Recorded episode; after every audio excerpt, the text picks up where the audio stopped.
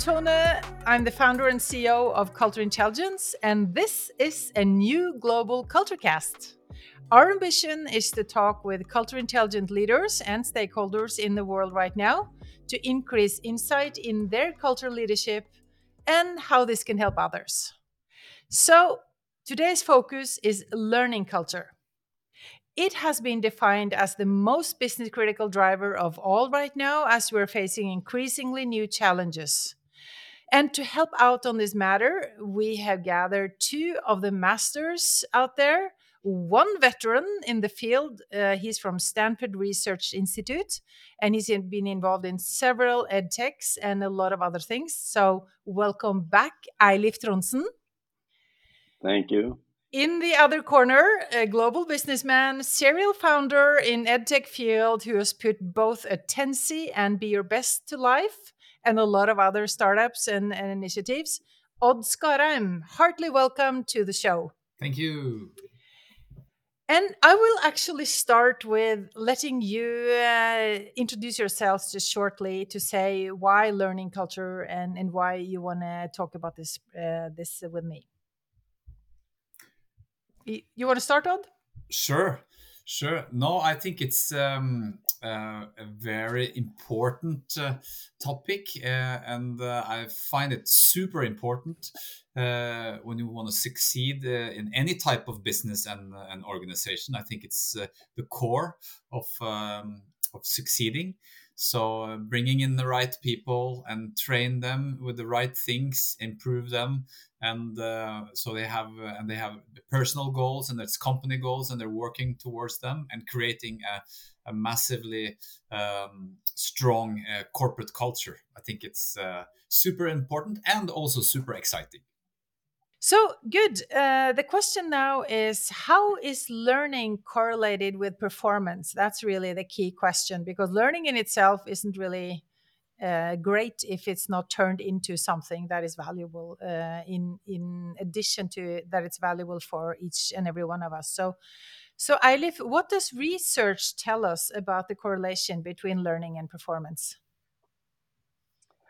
well first of all i have to admit that most of the literature that i read is written by people from the learning industry and so on so they are probably not the most critical uh, analysts out there. But I, I think it is uh, a great consensus uh, about the the effect of learning on performance. That's why organizations want to become learning organizations because they know that that's what they need to do in order to improve. And all the, the, the, companies that I have worked with over the years, I spent 40 years at SRI and at Strategic Business Insights. And in three different learning technology programs that I had um, with very large organizations from Asia, from North America, from Europe. And they were committed to learning and they year after year, they were investing in learning, experience, uh, experimenting with learning technologies. So if if it didn't have an impact, if it did not improve performance, I don't think they would spend the money that they were. And these were leading technology companies, Cisco's, right. IBM's, and so on of the world, and Amazon. Amazon even went as far as to hire a leading scholar from Stanford who came from Carnegie Mellon, uh, Candace Thille, whose uh, focused research was on adaptive learning. So they hired this top notch scholar to come into Amazon to work with them. And Amazon does a lot of training, and that's a word that Odd likes. Uh, and I, I think training, particularly in, in the workplace, that is of, of course critical importance more so than learning more generally yeah. we're all learning people but to learn to do something to perform certain tasks uh, is important so amazon is one of the leaders in uh, uh, in training and using technology. Yeah and and uh, candace is focused on adaptive learning. All right. So that puts me to to really focus back on not something as big as Amazon, but on Attensi and and for you, Odd, uh, can we really learn to learn? Is that something that that is possible, or uh, what, what, What's our take on that? Uh, that reminds me of uh, one of the Attensi slogans, which is uh, "Teach learning a lesson." So that's one of the Attensi slogans, and. Um, um, first, I would like just to comment what Eilif said about the correlation with the tra training and learning and and and can you can you uh, um, really learn to learn? And and the reason why I started um, uh, Attensi in the first place was uh, the focus on creating impact and measure it. So how can you create workplace and business impact? And then through working and training uh, learning programs uh, and then how can you do that the best way to make sure that people actually do it and that the level is high? So it was in that order. So the whole um, the essence was business impact and how do you move the different uh, key performance uh, indicators. So it's all about measuring what you want to move. So absolutely important for um, uh, yeah learning and training programs. And this is just cue because this is what we do. We measure but we measure not learning we measure culture. And and so uh, my hypothesis is that if you increase your focus on learning culture you will learn better and then you will perform better. So it makes sense. But do we know anything in, in your experience Odd, with learning? Uh, are you also able to measure the correlation between culture and learning? Uh, we haven't done that so much but uh, but uh, it is of essence uh, so we haven't directly measured and looked at the correlation, uh, but um, uh, we have made several training programs where you train in the corporate culture.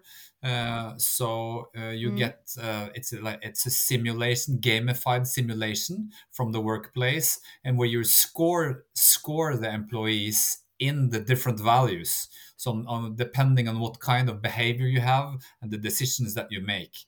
So that could be one way of measuring that the corporate culture uh, that you want to implement in an organization is understood and carried out in, in real life. Yeah. That sounds really cool, and to, to correlate that with some of the number cranking that uh, we have been up to. But but let's um, let's put our focus back on the global arena. Uh, do we know anything uh, about leaders who really succeed with this? Uh, what what uh, how are they recognized? Uh, what what what is sort of the key characteristics with that type of leader? Do any of you have any data on that? I have not seen any data specifically on leaders um, and uh, relating to connecting that back to the learning activities in companies. I think these, uh, and and most of the, the, my work has been in Silicon Valley, of course, and these um, tech leaders that um, are involved in in the in these companies that are competing and doing well, they um, uh, they they see learning in action and they see the importance of it. And so they they they're the ones that get invited to all the learning conferences and so on, talking about what they're doing. Yep. And they talk about how they're testing out different technologies and trying to be on the leading edge and supporting workers. So, um, but I have not seen specific studies that identify certain leaders and relating that back to learning culture that would be super cool to identify some of the because i'm pretty pretty sure that these leaders that have put learning on the agenda in a systematic way like we're talking about they have something in common right. so that would be interesting to to identify and then we could scale it and say if you want to lead uh, knowledge workers or leading cultures here's what you have to focus on so um, i think i think some of the common uh, commonalities among those people are their willingness to invest yeah. and experiment around coaching. Yeah. uh, around learning and around training. They're the ones that will are willing to give employees opportunities to test out different things and and who are the leaders in AI now mm. and and um, and trying to get the most output from the the new AI technologies with uh, Chat GPT yeah. and so on. Yeah, we'll we'll be back. So, uh, uh, return to that uh, um, in in a second. But first of all, Odd, you must have uh, felt this pretty um, strongly uh, because you decided to start a company doing this. So tell me about uh, was that really necessary? Could you please repeat the question? Was it really necessary to to start a company to get this right? To get the training right? Yeah, to get the training, learning, and uh, training in in a systematic. Oh, I, I think uh, uh, there's several that can do this in different ways that work well. Uh, I think uh, uh, also like when you ask the question about research and in specific areas, it it, it maybe won't work in you know take out a specific area because it's like.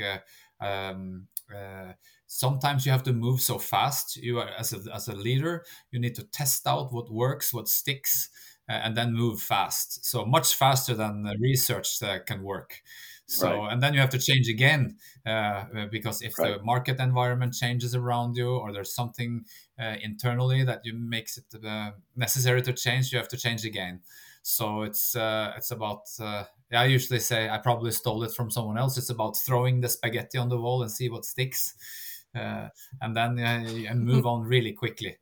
So uh, I think it was um, important to create a toolbox that the top management can use for different areas uh, to train the um, organization and within the areas where you want the organization to focus and and to improve. So yeah, that's a that's an answer. Yeah, and it's interesting because the next thing you founded, I think, was Be Your Best, which is another take at some of the same um, concept. Uh, or tell, yes, tell me how so, that works. So that here uh, it is same type of technology is gamified simulation. So using game technology to to train uh, real situations and um, so this is for uh, for uh, of all things in the world for football players soccer players uh, but it's all about training the head uh, of the players so it's a cognitive training uh, and here that answer came all the time because we used uh, with vr glasses and the question comes but how do you know that this work so here we know it works because, because here we did put research on so we had research studies following this for a long period of time uh, and now we can uh, prove that it actually improves performance on the field. So it is about training the head, how you gain information on the field, on the pitch, and how you make faster and better decisions. So uh, um, and and um, uh, yeah, so this study shows that the the, the German national under uh, 17 team improved um, 28% within a nine week uh, period.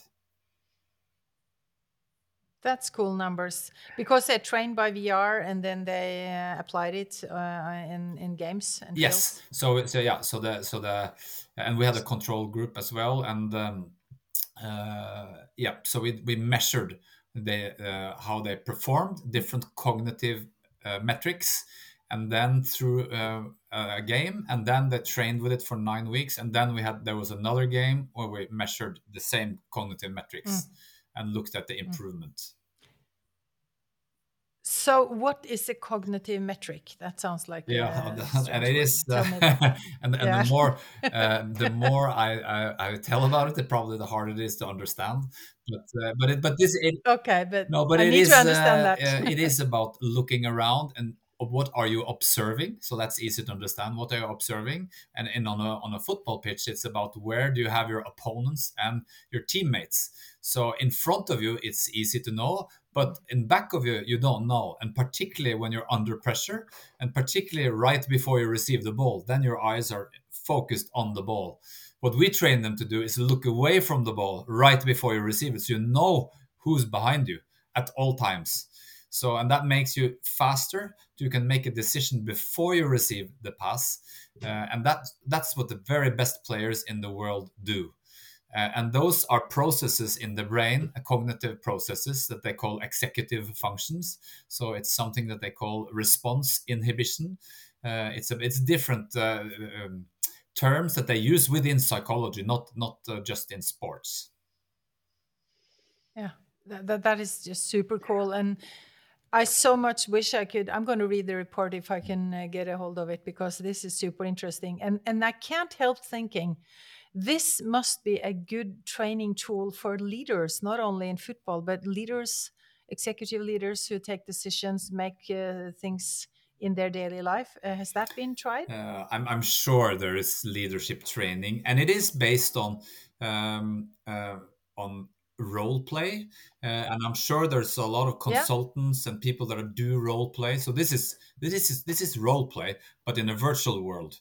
So uh, and, and on a football pitch it's so fast because it's recreating a game but uh, it is uh, it is effectively a role play where you can test out different ways of uh, behavior and see how does that person respond on doing this or doing that so so at least in the in um, so for manual type of training role play i'm sure there's people out there doing it. And i haven't seen it specifically for what we're doing uh, but I'm, I'm, i totally agree. It is uh, it is different. It's a, it's a great opportunity. It must be and and i'm sure we could see some uh, some results of that. And Eilif, what do you think? Can can we can we look at some of these uh, experiences in a more global uh, frame? Well, I you know um, let me just make a, a, few comments first of all on on uh, Odd's technology and what he's doing with soccer, and soccer certainly is a very very global game. It's in, in, incredibly competitive the amount of money that is being spent now the, uh, on on players and so on is um, yeah absolutely amazing. So if if you can improve performance just a little bit through some of these technologies, it could have a dramatic impact. And you know the importance of winning a game, and, and it's a matter of centimeters and being able to do the right things. I saw an article quite recently. It's called The Athletic.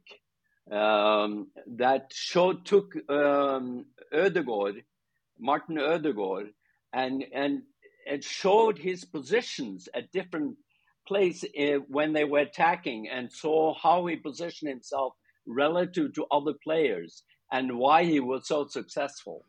So I think it was a perfect example of what Odd is uh, explained in the importance of seeing where you are on the field and seeing where you should pass and how you should pass you know mm. you should send the ball to where the player is going to be. Yeah. And uh, so you can learn that by practicing with the vr set learning how to visualize the field. And i would imagine that the big consulting firms like mckinsey uh, for example which is very big on using VR in a variety of settings, that they will be starting to use these technologies also in executive uh, role playing Exec- for yeah. uh, senior managers and so on. And so they can measure everything. Because if it's in a simulation, you can measure everything and see cause and effect. Yeah, that... And so that should be used internationally. Yeah. Um, and and and I think uh, to put some sort of data on who they are and the values they represent would also be interesting to add that data set on it because we would we would find out what kind of mindset do you need in order to play this game well not only on the physical sense but also how do you actually play the game? Uh, and i'm I, I i'm curious to see if that is uh, also a correlation between high uh, learning mindsets uh, in one end and then high performance uh, in the field and and see if that that correlates also uh, which i'm i'm guessing it will be do we know anything about that Odd? you you have worked with uh, Geir Jordet, a professor in football and psychology, uh, was that any was that any anywhere near our discussion? Um, absolutely, and and uh, what uh, Be Your Best does is is based uh, on his uh, studies. Uh, he's uh, one of the leading researchers in the world within his within his area, um, high performance sports. so he, and he found a very clear correlation between um, what he uh, calls scanning, uh, the ability to to gain information uh, and improve performance. So so that's that's kind of the red thread in his research throughout 20 years, uh, and he has researched many of the best players in the world. So so that's um, mm. that, that's one of his main areas of study. That's uh, great and so, if you were to guess, um, what kind of values do you guys think that the best players uh, out there have in the football field right now? What do you think is what would be fine if we map? Them? When you talk, when you mean what kind of values yeah personal values that they that they actually have inside them in order to be that good i think you will find very different from player to player uh, very different but i think one thing uh, that's a, a difference uh, from today and before uh, is that if you look at the very best players in the world, uh, like Haaland, for instance, um, and others, they are super focused on the um, the importance of improving themselves, even though they're on top of the world, even though they're the best in the world. The only thought they have in their mind is how can I improve? So they think about it every minute of the day. So and they their whole life is wrapped around how can i improve? So it means they're literally a 24 hour uh, player. It's all about sleeping. They don't go out. It's what they drink eat rest uh, and how they how and the rest of the time is how can i improve but I think that mindset was very different 20, 30 years ago, particularly in English football. It was uh, also about going out to the pub. So these guys don't go very much out to the yeah. you know the public bar. Yeah, it's not their life. And does that go? Is that a contrast or a challenge to their team orientation? That strong individual improvement uh, focus? I, I, think that's uh, that's a it's a good question. Uh, it is uh, absolutely the role of the coach or the the manager. Uh, it is the, the greatest coaches are very good at this, and maybe that, that's what makes them great. Is because they bring in these top class uh, players and they're they're making them work very good together, and that and it is super hard so it is uh, yeah it's, it's mm. a good question i think it's super hard and and and uh, and many don't uh, do this well because it is super hard yeah and if, if you have a mm. team of prima donnas uh, it's going to be very hard to have them dance together uh, so there is uh, I'm, I'm really curious to to find out more how they balance the two what do you think Eilif? well um, I, I think um, we uh, are going to have a, a, very interesting future as portable um, devices get used more and more, and and players are collecting data on themselves mm. all the time.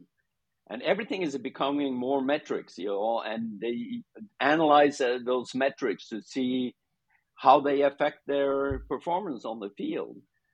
And um, I have read that some players are collecting metrics on themselves and sending that in with their, you know, when when they apply to play for other teams. They say, "Here's my data. Here's my metrics. You know, this is how much I work out. This is how I eat. This is, you know, what I am as a person. You can see I'm really dedicated to being in physical shape but can you also measure how you collaborate with other team, other players? That yeah. becomes trickier, and because soccer and even in business, it's a team sport. Yeah. So how can you measure the chemistry in the team? And, yeah. and I, I think there's some interesting things and one can collect data on that too and then see to uh, how well is this working? Yeah. Is the chemistry right? If they're not playing well, what went wrong on that day? Exactly. You know, what what did not function yeah. very well? So and this is our field. this is what we put data on. We put data on personal values, and in, in a sum that becomes a culture. So we can actually understand some of the things that goes on between person to person or person in team or some of that. But um, back to what you said, uh, players are carrying around metrics about themselves. Why isn't that done in leadership? That's a good question. I, I think it's uh, oh. it's a good question, and it's also uh, and if we relate this to uh, to sports, uh, there is a lot of data collecting going on. Huge amount of data is being collected, but it's all within the areas of physical strength, uh, you know, yeah. speed, uh, all those things that I would um, say it's easy to measure.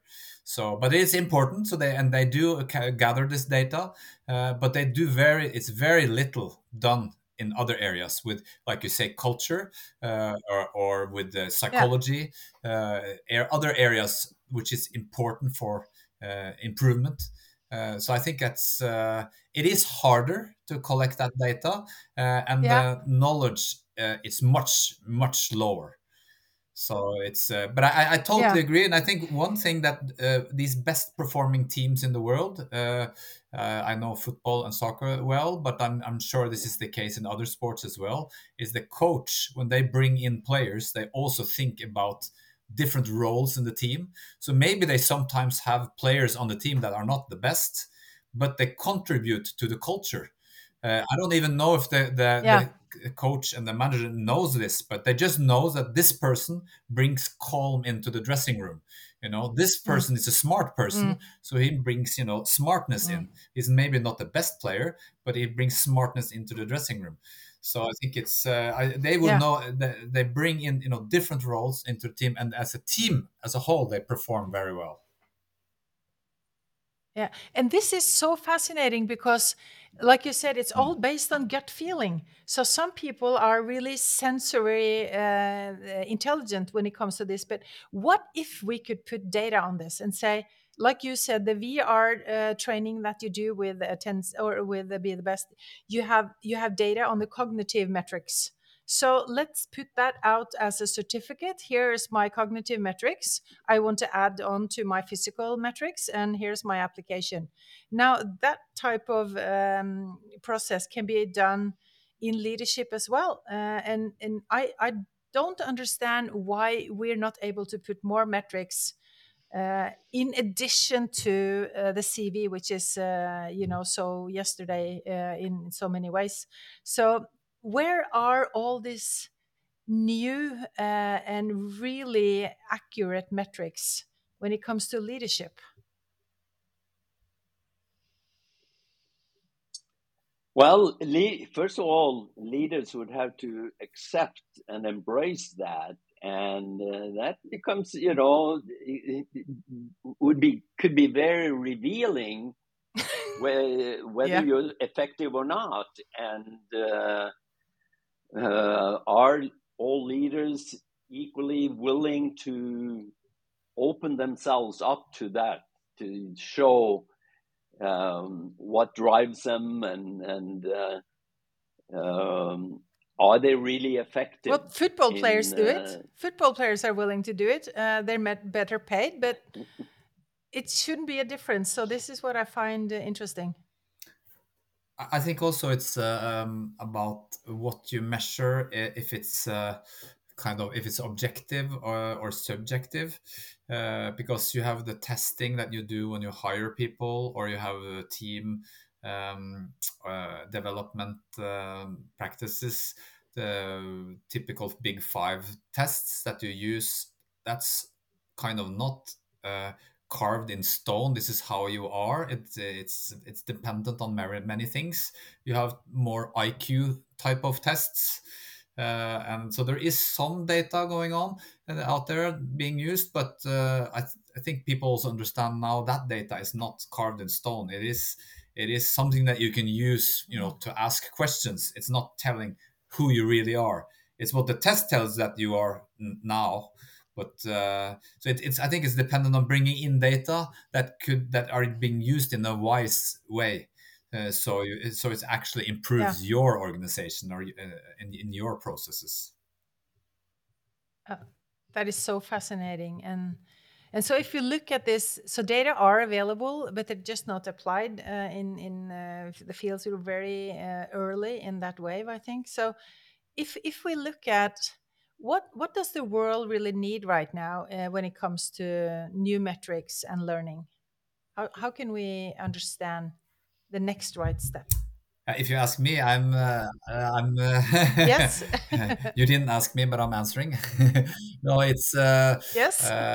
yeah, I'll, I will of course talk about um, this from my point of view. I'm sure there's several different other views, but I, I, think it's it's it is possible to measure uh, the effectiveness of learning, and we have done it for a long time in Attensi. It is, it is the core, uh, and um, uh, you know just from the very beginning when you onboard people just getting the onboarding right is super just there you can measure that onboarding to bring them up to a certain level understanding the corporate culture uh, understanding your task and understanding the organization and, and the work tasks. If you if it takes one or two weeks so there you have uh, one metric. If you can do it you know on half of the time you, you save one week so that's one way of, of measuring it. And then you have de- several different other areas of uh, uh, it could be customer service, it could be sales, and it could be other types of things. I think many things are yeah. it's possible, but it is not it's not simple it is it's it's a lot of work. So yeah. it's about finding ways that make because if you have to spend a lot of time on bringing it in it might might not be worth it but because as long as you see uh, the results coming. Uh, but uh, if you find ways of doing it in a smart way it, it's uh, absolutely something uh, I'm, I'm sure that we will move towards. Yeah. And it's already been proven in the field of football. So it's like the, the pilot maybe has been done but um, but but can technology uh, and now i'm really into ai and and all the all the new um, tech that we're talking about can, can that help uh, the processes or how will that uh, affect uh, our discussion? I i, th- I think that um, candace uh, Thille going to Amazon was very telling. And I think I would love to have some insight into what specifically she's doing at that company and how she, what technologies she's using to improve what I call adaptive learning, which is providing the learner the type of materials, the type of challenges that the learner needs that is specific to him or her at the given time so that the, the things that you are trying to achieve are not too high up that it becomes very frustrating when you cannot reach your goals. The, the goals are set according to where you are, what you already know, and that's taken into account in the system.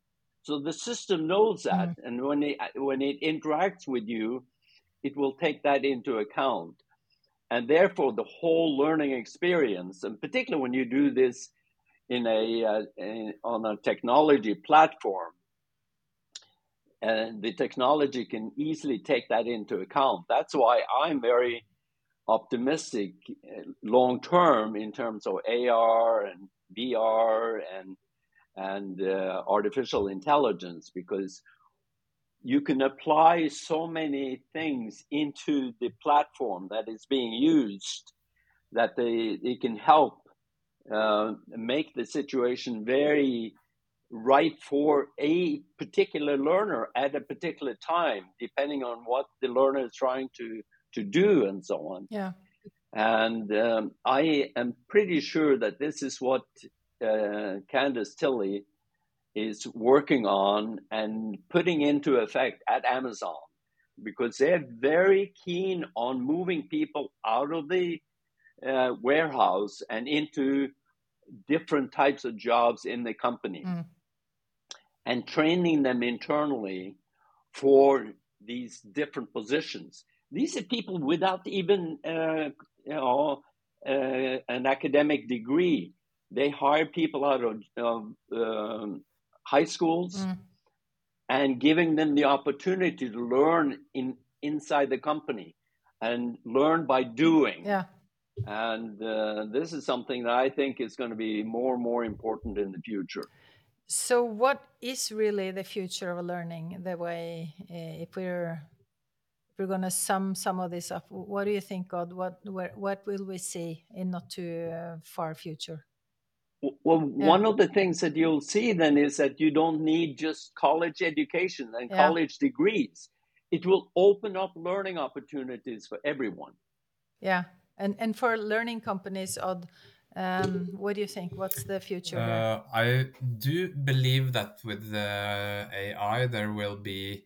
Uh, we're already seeing uh, a big change, and that is uh, it is you can produce and develop much faster using these tools. So just the developers, that just can work faster using this. So that's already happening today. Uh, that will happen in, in many different areas uh, of developing uh, learning technology. Um, and on the other side, I'm I'm sure there will be a flood of companies coming out into the market with uh, learning tools with AI, uh, telling you that you can develop a learning a training program out of a document that you have in your drawer. So, and it will be possible. Uh, the question is how how you know well is that quality? So I'm sure there will be a lot of companies developing training and learning which is not of high quality but it looks nice because mm. everyone can make something that looks nice on the screen but learning is not what's on the screen it's what happens within you and what would you do in real life afterwards so that will time will show this is scary because it's if if I'm not a very intelligent buyer, I may be tricked by some low quality provider versus a high quality how can i tell the difference? What should i look I, for i'm again this is from my point of view. I'm sure there's other points of view but i've seen yeah. this for 25 years that there comes there's all the time coming companies into the market and people oh this looks nice and and i see that the companies are buying things that they don't really know what it is and it doesn't work. And I can tell them at once it doesn't, it will not work. But I, I can't tell them that. And then after two, three years, then they come back and say it didn't work. So now we need to get something that really works. So it's um, uh, yeah. So it's it's being a professional buyer. Yeah. I think it's uh, super important mm. and and really understanding what you're buying. Mm. And I and I think the best way of doing that is uh, it is hard to understand everything that's going on. So so it's I think the best way it's it's uh, and that's not it's not rocket science, but it, it's it is a it's piloting, trying out, piloting. It's not, try for, yeah. try for a short period science. of time and see how how, the, how is this, yeah. and maybe try different things. So yeah, but I think that's the way of doing it. Yeah. All right. I, I think there will be lots of um, personal tutor technologies coming up. We're already seeing that. So you will have an assistant or a personal tutor that will help you and uh, we need organizations to test all of these things out, to weed the, the quality ones out from all the other things that are not so good. Mm. And it, it makes the job uh, much harder for people who buy these types of tools and, and platforms. Yeah because they're going to be, as Odd says, the market is going to be flooded with these types of things, and, and you need to be a smart mm. buyer. That that will be a challenge. So, so to sum it up, then, and I'm really fascinated by our discussion on the on the football compared to the leadership. I I, I think this is a super interesting um, comparison and field.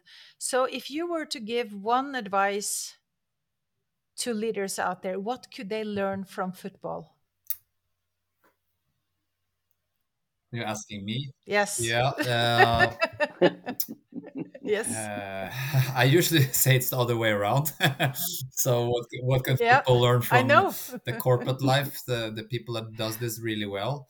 Uh, but I think uh, one thing that they have done well, but I think that's also the same in the corporate sector, uh, it is you know building a high performance culture uh, where everything is, is super clear what you're going to achieve. Uh, and then they break it back into different steps and see okay what does it take from each person in this team and each support person so the culture building i think is is great within you know most football clubs and most sports clubs they're building a strong culture. So i think that's something that uh, is possible to learn from. And the other is the the all the the step which is now named sports science all the way of gathering data and how they use this to, to make decisions on who they're hiring uh, for instance and, and uh, scouting how they're scouting new talent. So they're using a lot of data also on the on the on pretty young people as well uh, within their own system uh, and measuring how they're doing. So hopefully they will also start doing this not only on the physical, technical, and tactical side, but also on the psychological side and the cultural side. Yes, yes. You know, I'm going to play this on repeat all day long from the from my sender. this is right up our alley. it's it's so uh, interesting that you say that, and and and I think if we were to put that out there and really have leaders engage in it, well, I'm sure we could see a lot of better mix and learning between the two. And I think that would be a, a really rich field of insights that we could create. Uh, how about you? Uh, how about you, Eilif? Uh, yeah, I I think that uh, at least based on what I have read and seen, um, uh, leading um, soccer teams around the world are very, very data and getting more and more data driven and focus on um, using the data they have and collecting more data and how they use that for team performance could show businesses on um, what they should be doing. Yeah. And I agree with Odd in terms of acquisition, you know, for play for teams to find the right players it's the same in business. To find the best um, employees uh, now is critical for business success. So, how do you find the right people that will align with the corporate culture and what the company is trying to achieve?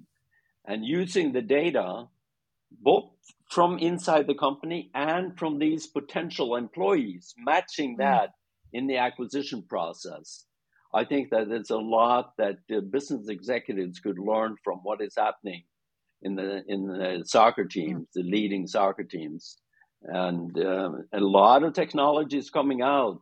I know there are quite a few uh, soccer analytics companies out there already, um, and more are coming. And yeah. I think they would be smart uh, for business executives to look carefully at this and what they could learn from it. So, if any of you have uh, a team that would be willing to to map their culture, let me know because uh, then we could match that with performance data and cognitive data from Attensi, and then we would have a really a ball of data and metrics that we could analyze and understand. How great would that be? Um, so that will be our shared challenge for the, the next uh, year or so uh, until we speak again. But just thank you so very much for being with me on this uh, super interesting uh, discussion. I love the, the part about uh, matching and combining two sectors and understanding more. Uh, I think that's the innovation for the future, combining silos. I think that's really where innovation sits. So thank you so much, uh, and really good luck in in the rest of what uh, you're doing in your specific fields. And I would really invite you back uh, in uh, some time to see what more can we learn in this in this field. So thank, thank you. you. Very good. Thank you. Thank you. Have a have a great day. Have a great day in Silicon Valley, uh, live, and uh, you will be where you are, Odd, and, and we'll talk again. Bye.